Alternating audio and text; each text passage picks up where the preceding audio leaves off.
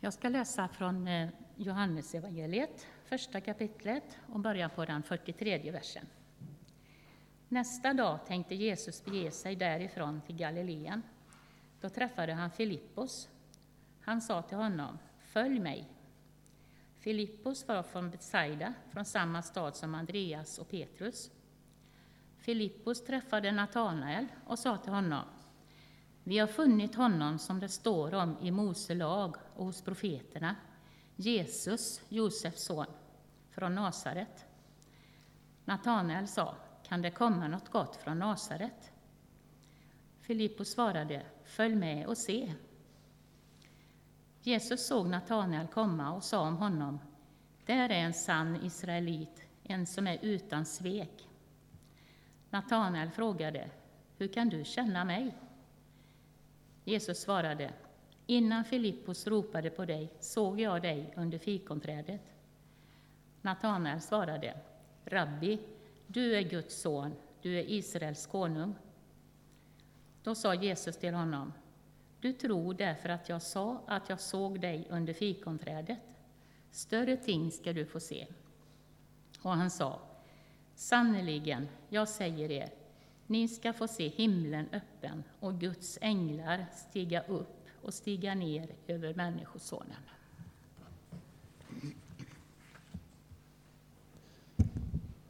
Tack för det Siv. Jag tänkte att vi ska prata om idag förekommer ju i nästan varenda bok i Bibeln. Det är något som vissa kristna mer än gärna pratar om. Medan andra kan känna sig lite obekväma och till och med börja skruva på sig lite när det kommer på tal. Eftersom man inte riktigt vet hur man ska få in dem i sin moderna världsbild. Jag talar ju förstås om änglar. Ordet ängel betyder sändebud eller budbärare. Så änglarna i Bibeln fungerar lite som Guds kommunikatörer. De uppenbarar sig i alla möjliga besynnerliga skepnader, ibland som en människogestalt. Någon som liknar eller som ser ut som en man, kan det stå. I andra texter har de faktiskt vingar som de skyler ansiktet och kroppen med.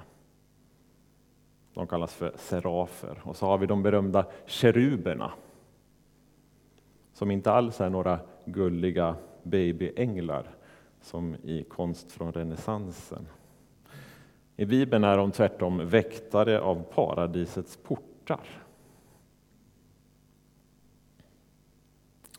För att inte tala om stjärnorna. Stjärnorna beskrivs ibland som en krigshär ledd av Gud. Det är dessa himlakroppar representerar änglar i Guds tjänst. För många av oss, särskilt här i västvärlden, kan det här sättet att föreställa sig verkligheten kännas lite främmande kanske. Men det verkar faktiskt som att änglarna även förbryllar Bibelns författare. Det är som om varken människornas föreställningsförmåga eller ens vårt språk räcker till för att sätta ord på denna andliga verklighet. Det är inte heller lätt att avbilda eller beskriva något som tillhör det osynliga, som Paulus uttrycker det. För änglarna är andeväsen. Hebreerbrevet kallar dem för andar i Guds tjänst. Till skillnad från de orena eller onda andarna, de så kallade demonerna, som inte tjänar Gud. Men det är inte om dem vi ska prata om idag. Jag vill fokusera på det allra sista som Jesus sa till Natanael.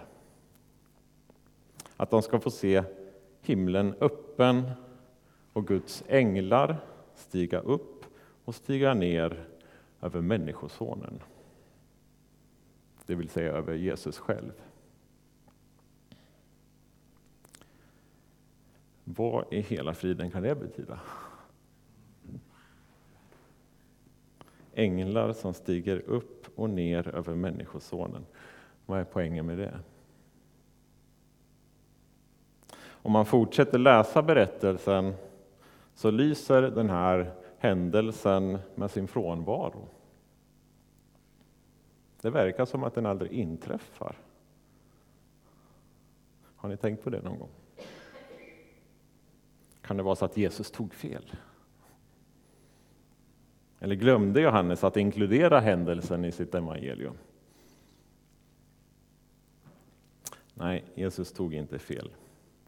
Och Johannes glömde heller ingenting. Jesus anspelar i själva verket på en gammal, gammal berättelse från Israels tidiga historia. Eller rättare sagt från en tid innan det ens fanns ett land som hette Israel. Israel var från början namnet som Gud gav pappan till Israels tolv stamfäder, Jakob. Och när Jakob var en ung man berättas det att han hade en dröm.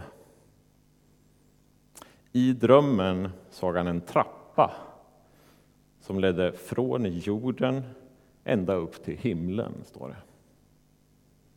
Och Guds änglar gick upp och ner för den. Och Herren stod framför honom, eller möjligtvis ovanför trappan, det kan tolkas lite både och, och lovar att aldrig överge Jakob och hans ättlingar. Och när Jakob vaknar utropar han, detta måste vara Guds boning. Här är himlens portar. Och så döper han platsen till Betel, vilket betyder Guds hus. Jag tror att Jesus använder den här berättelsen för att förklara för Natanael och oss vem han är. Du vet den här drömmen som Jakob hade om änglatrappan, den handlar om mig.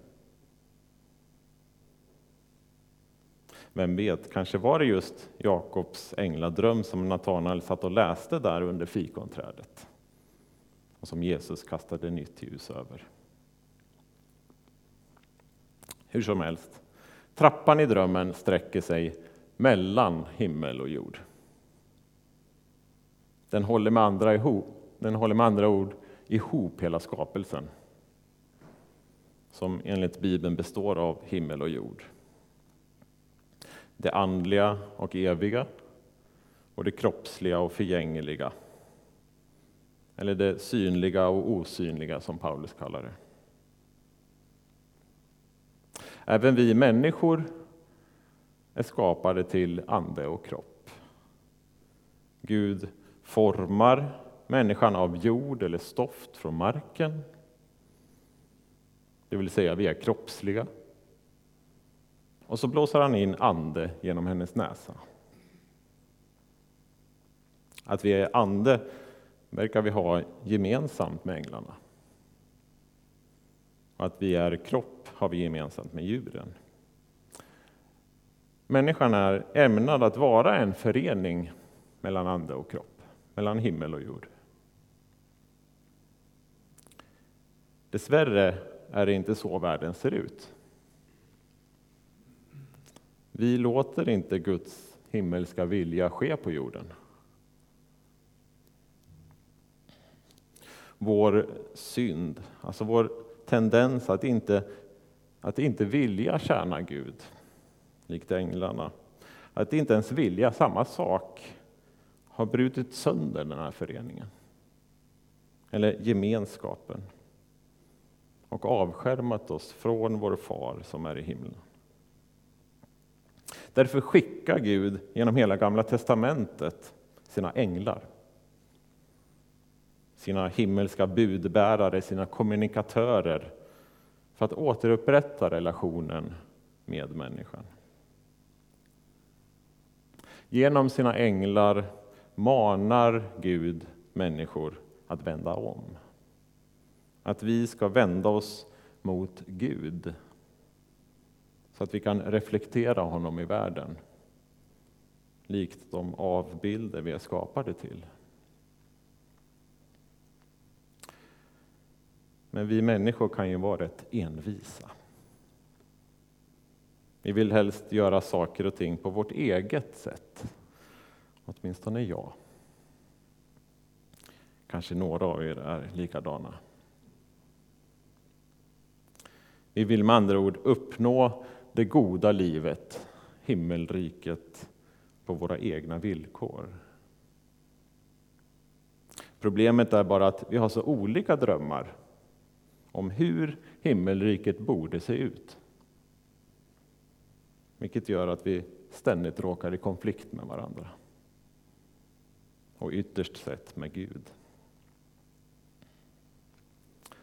Bilden av en trappa som leder från jorden ända upp till himlen finner vi också i historien om Babels torn, som flera av er kanske känner till.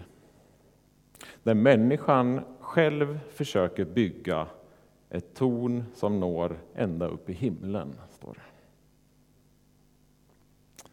Här har vi ett par bilder av, på ett trappstegsformat torn som arkeologer har grävt ut och rekonstruerat i staden Ur i nuvarande Irak. Alltså staden där man tror att Jakobs farfar Abraham växte upp. Babels torn och dessa tempel är enligt Bibelns författare mänskliga försök att nå himlen av egen kraft och för egen vinning. Så det är som de, de har försökt att fälla upp liksom en stormstege mot himmelens portar för att försera sig in.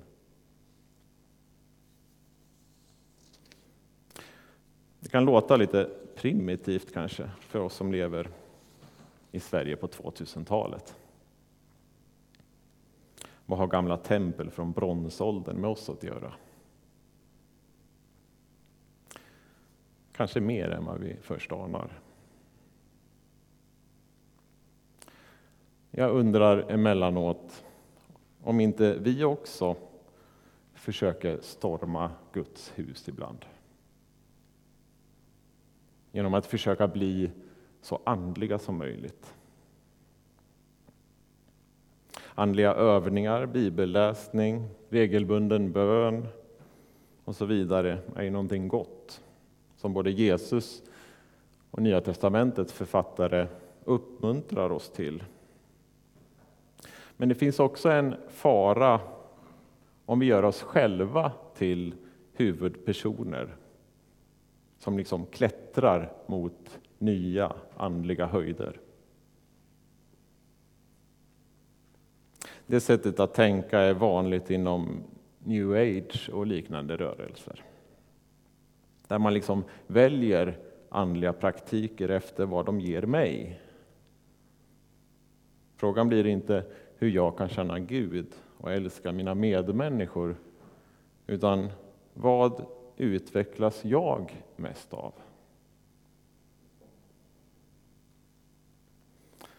Det är ett Babels torntänk som även vi kristna måste se upp med. Det förekommer inte bara hos de där andra inom new age eller självhjälpsindustrin.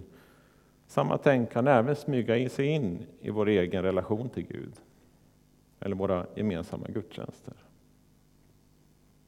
Vad får jag ut av det här? Vad ger det mig? Utvecklas jag tillräckligt av det här? Hjälper det mig att nå nya höjder? Större framgångar? Det här är inget evangelium. Det är inga goda nyheter. Särskilt inte för de svaga. Eftersom det bygger på att vi själva har ork, energi och kraft att förverkliga alla de här sakerna. Vad händer när orken tar slut? Vad händer när måendet är botten? Vad händer när vi inte räcker till? Jo, vi faller. Och ju högre upp vi har klättrat, desto längre blir fallet. Och så slår vi i backen. Det är många som har lämnat tron på grund av det här. Antingen att de själva har kämpat i många år för att nå så högt som möjligt och fallit tungt. Eller att någon de haft förtroende för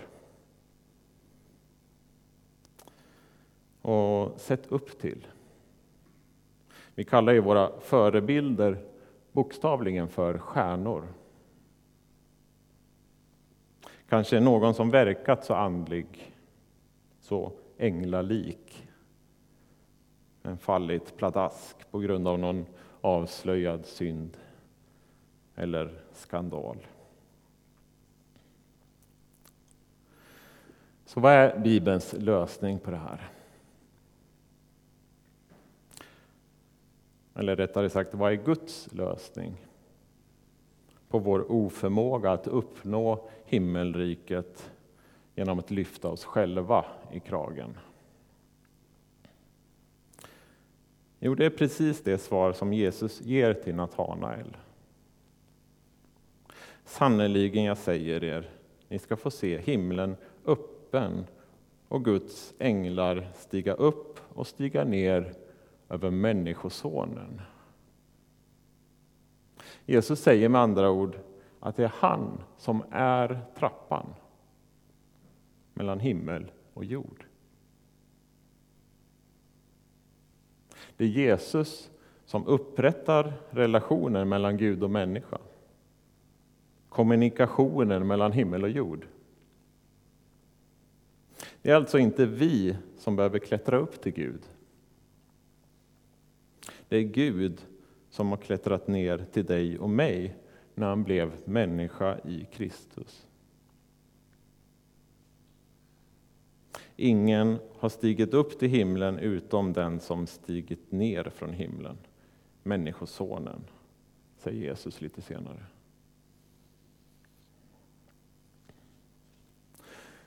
Det kristna evangeliet, de goda nyheterna, är alltså inte att vi behöver klättra upp till himlen eller att vi ska leva i evighet som någon slags andeväsen eller bli andliga på bekostnad av vår kroppslighet. Som om kroppen vore något av ondo. Det är en gammal irrlära som poppar upp emellanåt. Evangeliet är tvärtom att Gud, som är ande, blev människa. Det är så den brutna gemenskapen helas.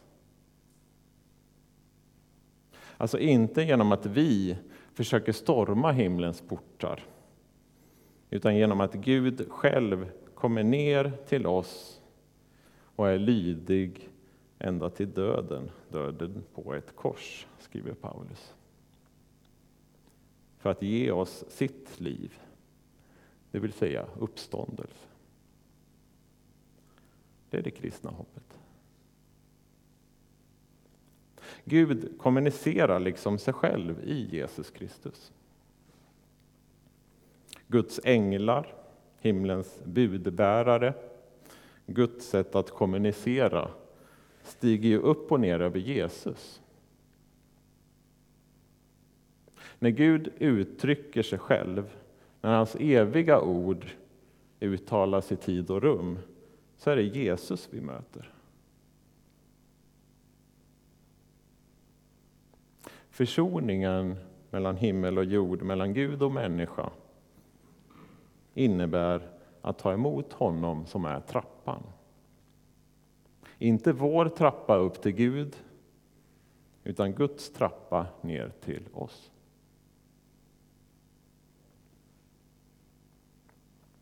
i Kristus bor Gud bland oss. Så om du våndas med att du inte räcker till, så är inte svaret att krampaktigt försöka klättra högre. Det är att ta emot Jesus där du befinner dig just nu.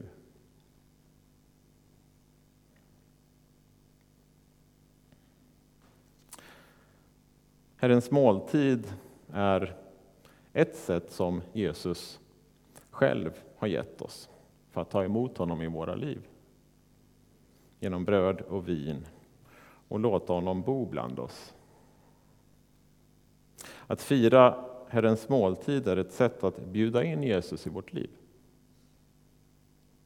Han fäller aldrig upp några stormstegar för att tvinga sig på någon.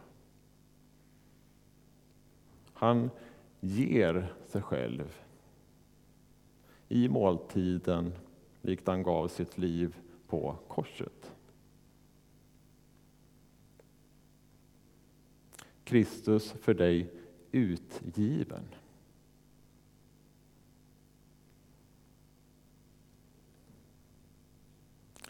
Låt oss be.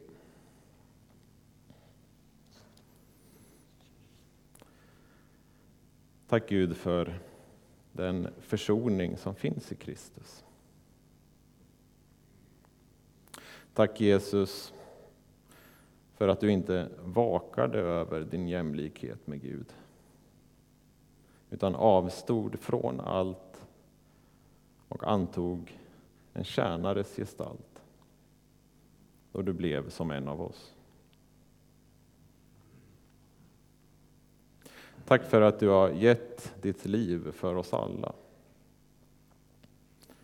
Tack för att du vill kommunicera dig själv, ditt liv, din frid och din nåd.